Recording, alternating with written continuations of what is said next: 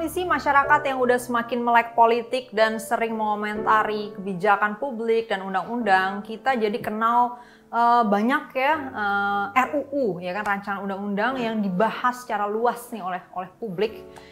Di, an, uh, di antaranya tuh yang baru-baru ini banget dibahas adalah RUU Minol ya kan minuman beralkohol, kemudian juga Omnibus Law tentunya yang sekarang udah jadi UU Cipta Kerja dan RUU penghapusan kekerasan seksual atau RUU PKS yang di mana hari ini saya akan bahas di bincang hukum bersama dengan Sean Matthew. Yang saya mau bahas di sini adalah bagian-bagian kontroversial yang memang pantas untuk kita pikirkan, gitu ya. Kita langsung aja ya. Jadi uh, di sini udah ada beberapa catatan yang kita compile ya Pertama terkait dengan pasal 11 uh, ayat 2, tapi ini ada ada dua sebenarnya nanti ada dua bagian, ada bagian huruf A dan huruf B gitu ya Shan. Cuman kita mulai dari yang bagian huruf A dulu. Yaitu terkait dengan uh, definisi dari kekerasan seksual. Ini menjadi kontroversi Shan karena di sini disebutkan bahwa kekerasan seksual yang dilakukan dalam bentuk tindakan fisik atau non fisik ya dan seterusnya sehingga mengakibatkan orang lain terintimidasi, terhina, direndahkan atau dipermalukan. Yang menjadi kemudian keresahan orang-orang adalah uh, ya indikatornya apa ya untuk tindakan fisik atau non fisik ini. Mungkin kalau fisik lebih jelas lah ya. Non fisik mungkin terutama dan uh, akibatnya juga nih mengakibatkan orang terintimidasi, terhina, direndahkan atau dipermalukan. Ini kan kayaknya uh, terminologinya mirip-mirip dengan pasal-pasal karet dalam ITE gitu ya. Atau UU uh, eh, penodaan agama misalnya. Jadi mungkin bisa diperjelas, uh, Shan. Bagaimana kalau dari perspektif hukum membaca definisi ini? Oke, okay. thank you Chan. Uh, terkait dengan pasal 12 itu tentang pelecehan seksual ya kan. Nah, ya. pelecehan seksual ini kan dibagi jadi dua kalau dari pasalnya ada yang tadi udah disebutkan fisik dan non fisik. Kita mengacu pada pengertian dari penjelasan undang-undang itu sendiri. Kalau fisik saya rasa udah udah udah jelas lah gitu kan, ada sentuhan apa segala macam. Tapi yang menjadi menarik adalah yang non fisik ini, karena dalam penjelasannya begini bahasanya.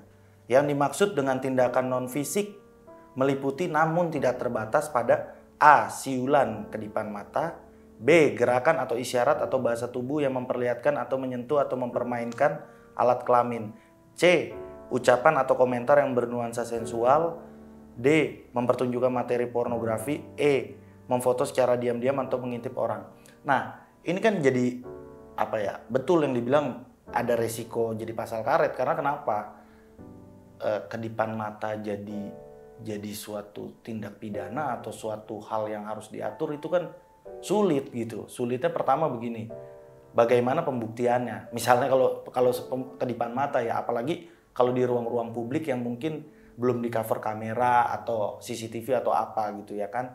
Yang kedua, masalahnya uh, siulan gitu.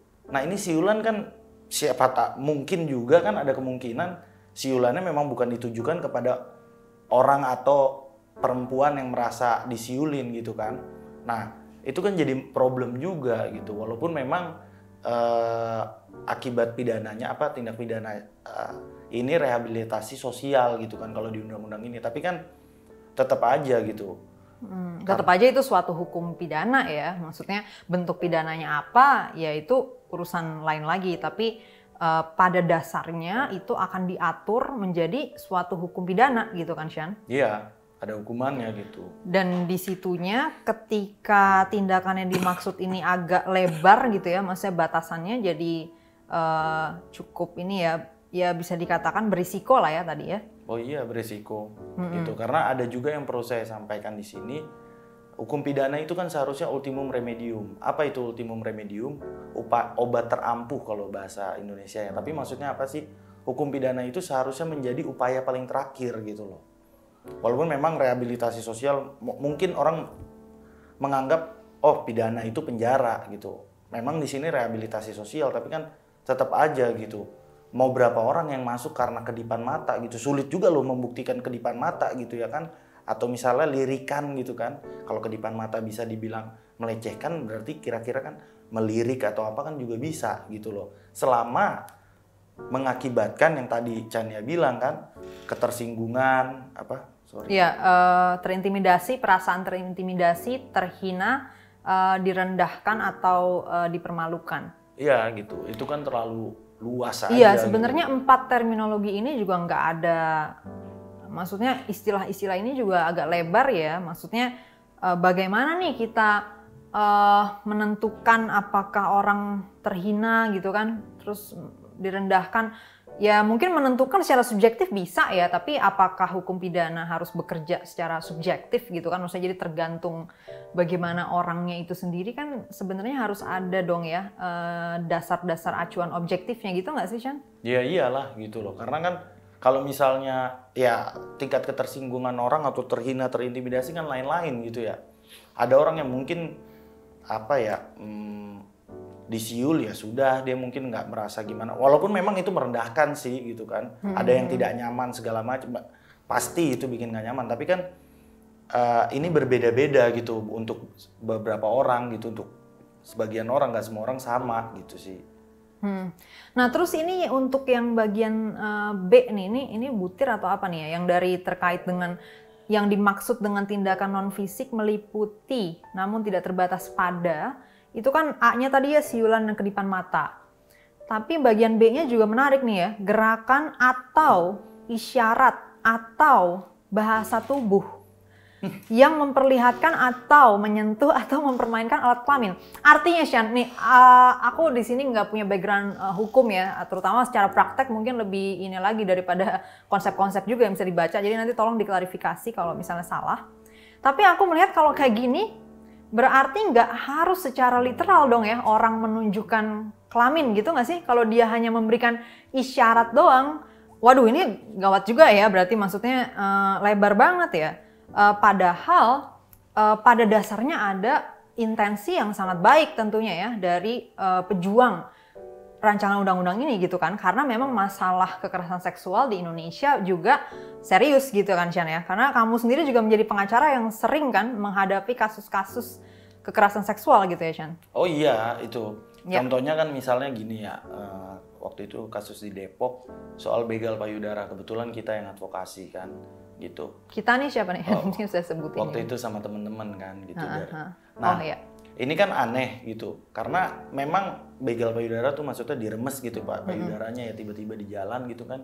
Hmm. itu kita agak kesulitan juga gitu masalah pasal. Kenapa? Karena nggak ada pasal persisnya loh. Hmm. pasal persis precisely tentang itu itu kemarin sih kita discuss debat sama penyidik segala macem belum ada waktu itu. Nah akhirnya kan masuknya pasal 281 KUHP apa namanya uh, norma kesopanan. Hmm. Ini itu sih memang agak terlalu jauh tapi ya ya demi keadilan mungkin kan. Hmm. hmm, hmm Jadi hmm. ditindak dan itu akhirnya ponisnya satu tahun sih gitu.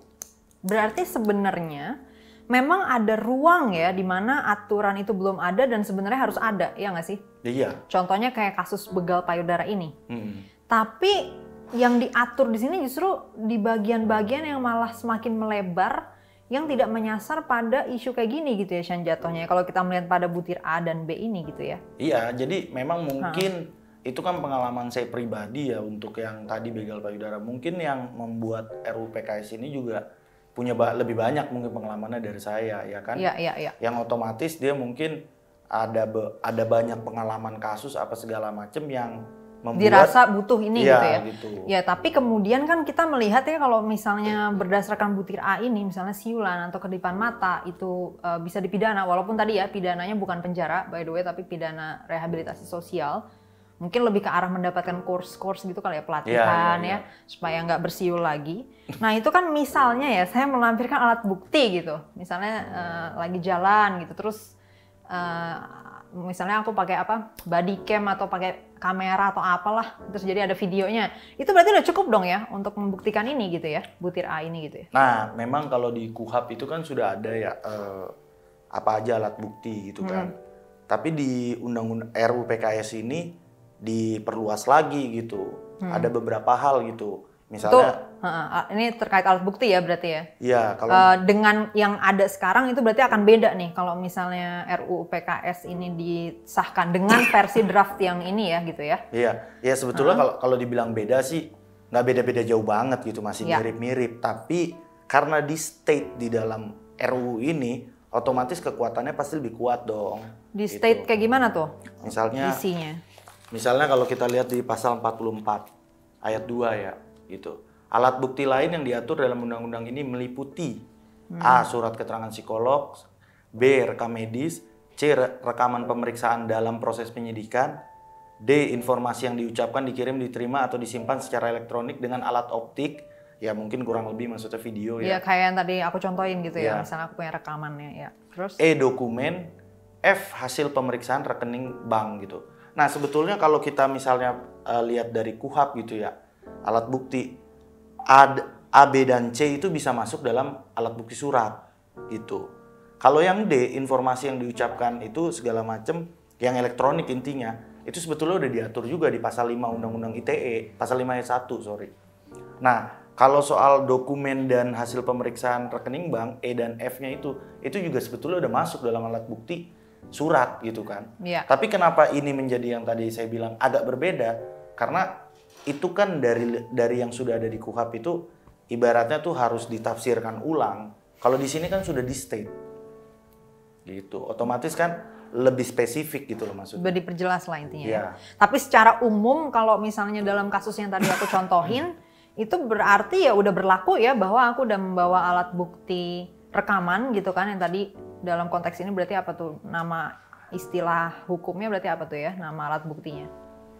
Nah, sorry. Misalnya aku bawa video gitu, itu berarti udah bisa kan menjadi uh, alat bukti gitu kan yang sah kan? Iya udah bisa. Uh, berarti kalau misalnya mengikuti definisi ini uh, tindakan non fisik berupa siulan atau kedipan mata itu aku rekam atau iya. nggak yeah. sengaja terekam oleh CCTV atau segala macam ya. Dan kemudian menurutku sebagai yang dikedipin atau disiulin itu mengintimidasi, menghina atau merendahkan atau dipermalukan, itu udah cukup belum untuk hakim melakukan vonis? Nah, kalau masalah udah cukup atau belum kan sebetulnya sepengalaman dan sepengetahuan saya itu tergantung dari proses proses peradilannya gitu kan maksudnya dari tingkat penyidikan kejaksaannya kayak gimana terus pengadilannya tapi ya. menarik di sini gitu karena di pasal 45 45 ayat 1 RUU PKS itu mengatur lagi gitu keterangan seorang korban sudah cukup untuk membuktikan bahwa terdakwa bersalah apabila disertai dengan satu alat bukti lainnya jadi gimana ya ngomongnya ya harusnya kan Oh, harusnya pembuktian harusnya menyatakan dakwa bersalah ini nggak di, diatur di sini ya, ya gitu ya? itu maksudnya gitu. Harusnya ini di dalam pengadilan gitu iya, ya. Iya, hakim gitu yang mempertimbangkan alat buktinya kuat apa enggak, ini akibatnya sampai sejauh mana apa segala macam. Tapi kalau di sini udah di state kayak gini kan saya juga bingung gitu. Maksudnya undang-undang juga kok apa ya? Maksudnya sudah langsung menjudge gitu loh. Hmm, ya kan? harusnya uh, harusnya dokumen uh, UU-nya sendiri itu nggak melakukan penghakiman gitu ya maksudnya yeah, ya. Yeah. Kok langsung menyatakan bahwa uh, udah cukup gitu ya yeah, untuk gitu. membuktikan bahwa terdakwa bersalah gitu yeah. ya. Padahal, Padahal kan, menentukan terdakwa bersalah atau enggak itu adalah hasil dari pengadilan gitu harusnya ya. Ya gitu. Karena kenapa? Setiap bukti itu kan harus diuji kan kekuatannya nilainya apa segala macamnya gitu. Apalagi kalau kita bicara pidana ada ada ada gium hukum yang menyatakan bahwa bukti dalam hukum pidana harus lebih terang daripada cahaya. Kan itu bahasanya bagus juga sih. Cuma maksudnya apa sih? Uh, itu harus benar-benar jelas tegas bahwa memang ada perbuatan pidananya gitu. Ya. Tapi undang-undang ini melampaui hal-hal kayak gitu kan, mm-hmm. bingung juga. Iya iya iya. Dan uh, tapi gini sih ya mengenai pembuktian ini lagi-lagi kan dia mengacu pada definisi yang dipakai juga ya. Jadi kalau sejak awal indikator indikator-indikator yang dipakai itu selebar ini sebenarnya jadi agak susah juga ya. Maksudnya ketika tadi kayak contohnya saya punya bukti bahwa ada orang uh, melakukan kedipan mata atau melakukan siulan yang menurut saya mengintimidasi, itu udah cukup berarti kan menjadi uh, alat bukti yang kuat dong, ya kan? Kalau ada videonya atau apa kan udah udah kuat dong berarti ya, Shan. Iya. Ditambah dengan keterangan dari saya sendiri sebagai korban gitu ya, Shan. Iya, jadi ada dua alat bukti kan gitu. Hmm. Dan dua alat bukti itu sesuai pasal 45 tadi udah cukup. Udah langsung bisa difonis tuh berarti ya. Iya, kan agak ini juga ya, sih. Iya, iya, gitu. Dan ini butir C, ini terkait tindakan non fisik ya. Oh. Ini tadi kan tindakan non fisik meliputi namun tidak terbatas pada ya. Uh, by the way ini juga penting uh, frasa tidak terbatas pada tuh penting ya Shan ya. Artinya oh, bisa iya, di luar ini juga kan ya, ya berarti bisa, ya. Iya. Nah, dari yang diatur di sini aja sebenarnya udah cukup luas ya. Misalnya di butir C itu ucapan atau komentar yang bernuansa uh, sensual atau ajakan atau yang mengarah pada ajakan atau seksual. Ini mesti gak sih? Yeah, Mungkin yeah. ajakan ajakan uh, seksual kali ya. Yeah. ajakan berhubungan seks gitu. Sedangkan ini menarik juga sih. Kalau menurut Butir C ini berarti kalau misalnya aku misalnya bertanya gitu Shan, uh, eh mau nggak berhubungan seks dengan saya? Itu berarti udah cukup dong di capture gitu ya misalnya chatnya atau apa sebagai memenuhi butir C ini dong sebagai uh, pelecehan seksual non fisik gitu? Oh iya dong harusnya gitu. Nah sedangkan kalau kita bicara kita mau seks berdasarkan consent bukannya mulainya itu harus dengan bertanya ya? Iya itu. Ya? Iya. Jadi ini berarti agak berkontradiksi juga ya kebutuhan kita untuk uh, mendorong tradisi uh, konsen ya kan di mana orang melakukan hubungan seks atau uh, hubungan intim ya, hubungan uh, fisik dengan orang lain itu berdasarkan konsen. Tapi di sisi lain orang yang bertanya bisa dipidana. Berisiko dipidana. Iya, berisiko. Ya bisa kan berarti hmm. mungkin gitu kan maksudnya ya. Bukan berarti pasti ya. ya. Jadi ya ini dalam kalau dalam pengaturan yang butir C ini ya bisa, sangat bisa gitu ya. Karena udah memenuhi kan berarti uh, ucapan atau komentar yang bernuansa sensual atau mengajak dan seterusnya ini kan berarti ya Shan? Ya, ini sedikit okay. komentar juga soal yang uh, huruf C ini. Ya. Memang ini ini gimana juga ya bingung juga. Uh, ini juga cukup penting gitu karena biasanya ya gitu kalau di perusahaan kadang atasannya itu laki-laki bawaannya perempuan ya kan kadang memang ada ajakan-ajak ajakan seperti ini gitu loh omongan-omongan seperti ini yang pada akhirnya juga ya itu kan memang benar merendahkan gitu dan mengintimidasi apalagi kalau ada relasi kuasa atau relasi kerja seperti itu gitu loh. Atau misalnya kalau di sekolah kakak kelas dengan adik kelas atau apa pun itulah gitu. Atau kalau di kampus mungkin dosen mahasiswa gitu nah gitu, itu kan itu memang betul. Iya iya juga sih gitu loh. Tapi kalau untuk sampai diatur jadinya terlalu lebar juga memang penting nggak penting nggak penting juga sih gitu. Iya dan dan memang juga agak susah ya membuat batasannya. Kita kita sama-sama uh, menyadari dan memahami bahwa ada konteks ya kan seperti tadi disebutkan oleh Shan juga di mana ketika kasus itu melibatkan ada kekuasaan tadi ya misalnya bos sama bawahan dan lain sebagainya memang uh, mungkin ada ruang-ruang untuk terjadi abuse of power lah gitu ya. Iya. Yeah. iya kan Uh, tapi kemudian kita juga nggak bisa kan mengasumsikan bahwa semua yang ada relasi kuasanya itu udah pasti abuse of power, ya nggak? Ya nggak bisa. Karena ya mungkin aja kan orang mau bos sama atasan atau dosen sama mahasiswa, tapi sebetulnya ada hubungan yang konsensual di sana kayak gitu nah, kan, iya, misalnya. Iya. Jadi itu juga tetap aja ya, walaupun kita mau nyempitin itu juga agak susah ya, Shan berarti. Ini okay. aku pengen bahas sedikit di bagian pasal 11 ayat 2 huruf B. Tadi kan kita udah okay. mengeksplor ya huruf A kita nggak bacain semua, tapi kira-kira itulah titik-titik yang uh, sah ya untuk dikritisi lah gitu ya, dan mungkin nanti diberikan masukan untuk bisa diperbaiki. Nah, cuman di huruf B ini juga ada lagi nih uh, masalah yang nggak kalah uh, rumitnya gitu ya. Eksploitasi seksual, sebagaimana dimaksud dalam pasal 11 ayat 2 huruf B, adalah kekerasan seksual yang dilakukan dalam bentuk kekerasan, ancaman kekerasan, tipu daya, rangkaian kebohongan, nama atau identitas atau martabat palsu, atau penyalahgunaan kepercayaan agar seseorang melakukan hubungan seksual dengannya atau orang lain dan atau perbuatan yang memanfaatkan tubuh orang tersebut yang terkait hasrat seksual dengan maksud menguntungkan diri sendiri atau orang lain. Ini ada banyak uh, terminologi lagi-lagi ya, istilah yang uh, cukup lebar gitu ya, bisa bisa iya, agak lebar, ya. Uh, misalnya di sini ya, penyalahgunaan kepercayaan. Oh iya, itu yang nah. dimaksud penyalahgunaan kepercayaan tuh gimana ya? Di penjelasan ayat pasal ini juga nggak dijelas. Maksudnya yang dimaksud dengan penyalahgunaan kepercayaan adalah menggunakan kepercayaan yang diberikan oleh seseorang kepada pelaku kekerasan seksual karena ada relasi personal, jabatan, wewenang atau kedudukan. Oh itu yang tadi ya berarti ya kalau misalnya bos dengan bawahan dan lain sebagainya ya? Ya kurang lebih memang seperti itu tapi menyalahgunakan kepercayaan tuh gimana gitu loh maksudnya. Tapi gini, sejauh ini aku rasa yang juga menjadi penting mungkin lebih ke arah sini ya. Sebenarnya eh, bagian mana sih dalam dalam masalah kekerasan seksual, pelecehan seksual dan lain sebagainya ini yang memang belum direspons oleh aturan yang ada sekarang sehingga kita ada urgensi nih bikin aturan baru ini. Dan bagian mana dari semua itu yang udah direspons oleh RUU ini? Nah, kalau kemarin kan kita pernah bikin diskusi juga ya eh, terkait penanganan perkara perempuan dan anak, ya kan?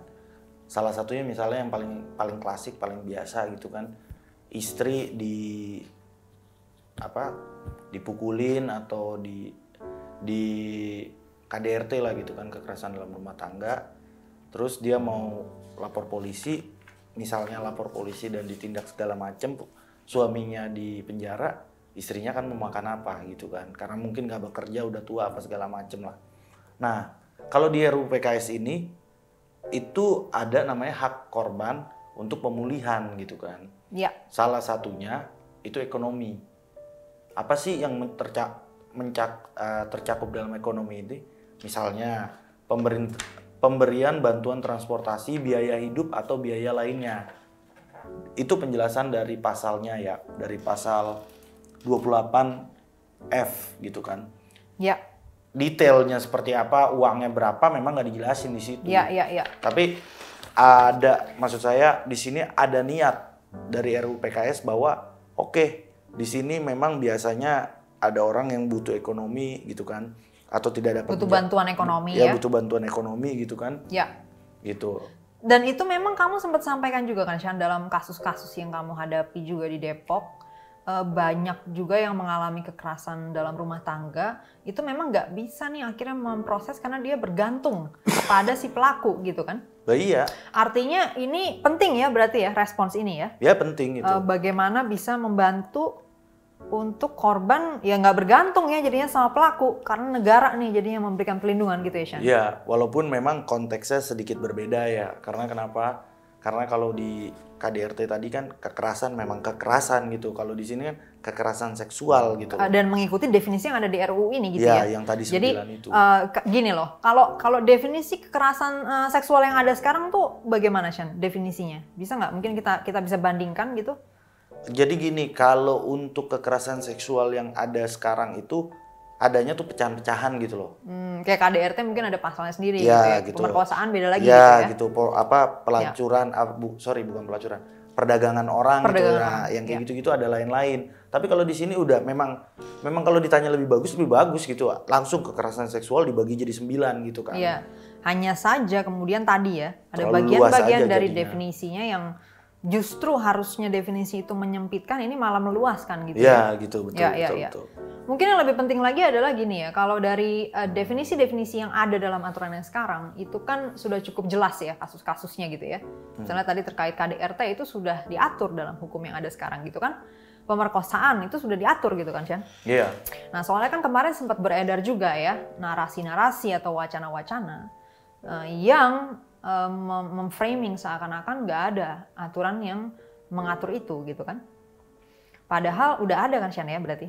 ya udah ada yang umum-umum ya udah ada hmm. gitu kan. Untuk KDRT, pemerkosaan, bahkan tadi uh, kasus uh, begal, begal itu bisa juga ya ternyata ya dimasuk masukin iya, ya. pakai hukum yang ada sekarang. Iya. Dan sebenarnya kalau terkait dengan misalnya uh, pelecehan seksual uh, non non apa namanya non fisik ya, non fisik itu bukannya bisa juga ya pakai misalnya pasal penghinaan atau apa pencemaran nama baik atau apa yang ada sekarang gitu? Ya bisa-bisa aja gitu. Tapi tak, kecuali bersiul ya. Kalau bersiul, ya, saya ya, jujur ya. saya juga nggak tahu gitu itu gimana gitu atau kedipan mata ya, gitu ya, kan. Ya, ya. Gitu. Tapi kalau yang lainnya juga udah banyak yang sebenarnya diatur ya. Ya kalau misalnya ajakan sensual gitu kan. Ya. Eh ini yuk, itu yuk gitu kan. Maksudnya ajakan-ajakan kayak gitu ya. Ya. Sebetulnya bisa-bisa aja gitu kan kalau mau ditarik-tarik gitu. Ya. Tergantung praktek di lapangannya sih gitu sih. Uh, aku rasa udah cukup jelas ya berarti ya bagian-bagian yang bermasalah dan memang patut dikritisi. dengan kritik-kritik yang solid gitu kan. Ada closing statement mungkin Shan? Apa ya RUU PKS ini memang masalah kekerasan seksual itu penting ya gitu dan itu dari segi angka dari segi kasus itu semuanya kacau lah gitu. Tapi yang paling penting itu sebetulnya kalau menurut saya pribadi itu bukan substansi hukumnya tapi penerapan dari substansi hukumnya itu gitu. Kalau kayak tadi misalnya begal payudara ya nggak ada pasalnya langsung begal payudara itu kita kita buat sendiri, kita dorong sendiri pasal 281 itu supaya digunakan oleh kepolisian. Berarti kan kalau ada kemauan itu bisa untuk dilakukan gitu. Nah, eh, Profesor Sarcipto Raharjo juga dalam bukunya Biarkan Hukum Mengalir juga kan ada salah satu subbabnya itu menyebutkan bahwa kenapa terlalu kenapa undang-undang terlalu diributkan gitu. Jadi maksudnya apa sih? Buat apa sih kita banyak undang-undang tapi kalau nggak jalan juga gitu Kayak misalnya siulan, kedipan mata, apa segala macam ini kan sulit untuk dijalankan. Gitu. Kenapa nggak kita fokus, fokus, fokus untuk kasus-kasus yang memang udah bejibun gitu, udah banyak banget dan antriannya parah. Kalau kemarin bisa di, dilihat juga tuh yang diskusi kita soal uh, penanganan perempuan dan anak. Penanganan kekerasan ya terhadap ya, perempuan dan anak. Hmm. Iya kan, itu kan itu harusnya menjadi prioritas sih gitu. Maaf, bukan kita mengecilkan kasus yang kesiulan atau kedipan mata ini bukan tapi banyak gitu masih yang perlu di yang di sisi penerapan ini kita perlu perbaiki gitu loh itu aja sih. Ya. Thank you Shan waktunya dan uh, sharingnya. Tadi udah banyak banget input yang dikasih. Uh, mudah-mudahan bisa membantu teman-teman semua untuk punya perspektif yang lebih baik lebih bijak lebih solid lagi tentang RUU PKS kalau mau nonton uh, pembahasan kita tentang uh, UU Cipta Kerja ya sebelum disahkan ada juga silakan lihat di video-video bincang hukum sebelumnya. Nah, di sini kita bahas RUU PKS, mungkin berikutnya nanti kita akan bahas uh, RUU lainnya. Silakan komen juga bagaimana pandangan Anda tentang RUU penghapusan kekerasan seksual dan mungkin bisa kasih masukan-masukan juga untuk nantinya ke depannya pembahasan RUU ini bisa lebih baik lagi karena lagi-lagi bagaimanapun juga sebetulnya memang perlindungan terhadap orang-orang yang rentan menjadi korban kejahatan kekerasan seksual itu uh, patut ya disediakan oleh negara gitu kan dalam bentuk hukum yang jelas dan tadi bisa diterapkan dengan baik. Ya, terima kasih sampai jumpa di episode Bincang Hukum berikutnya.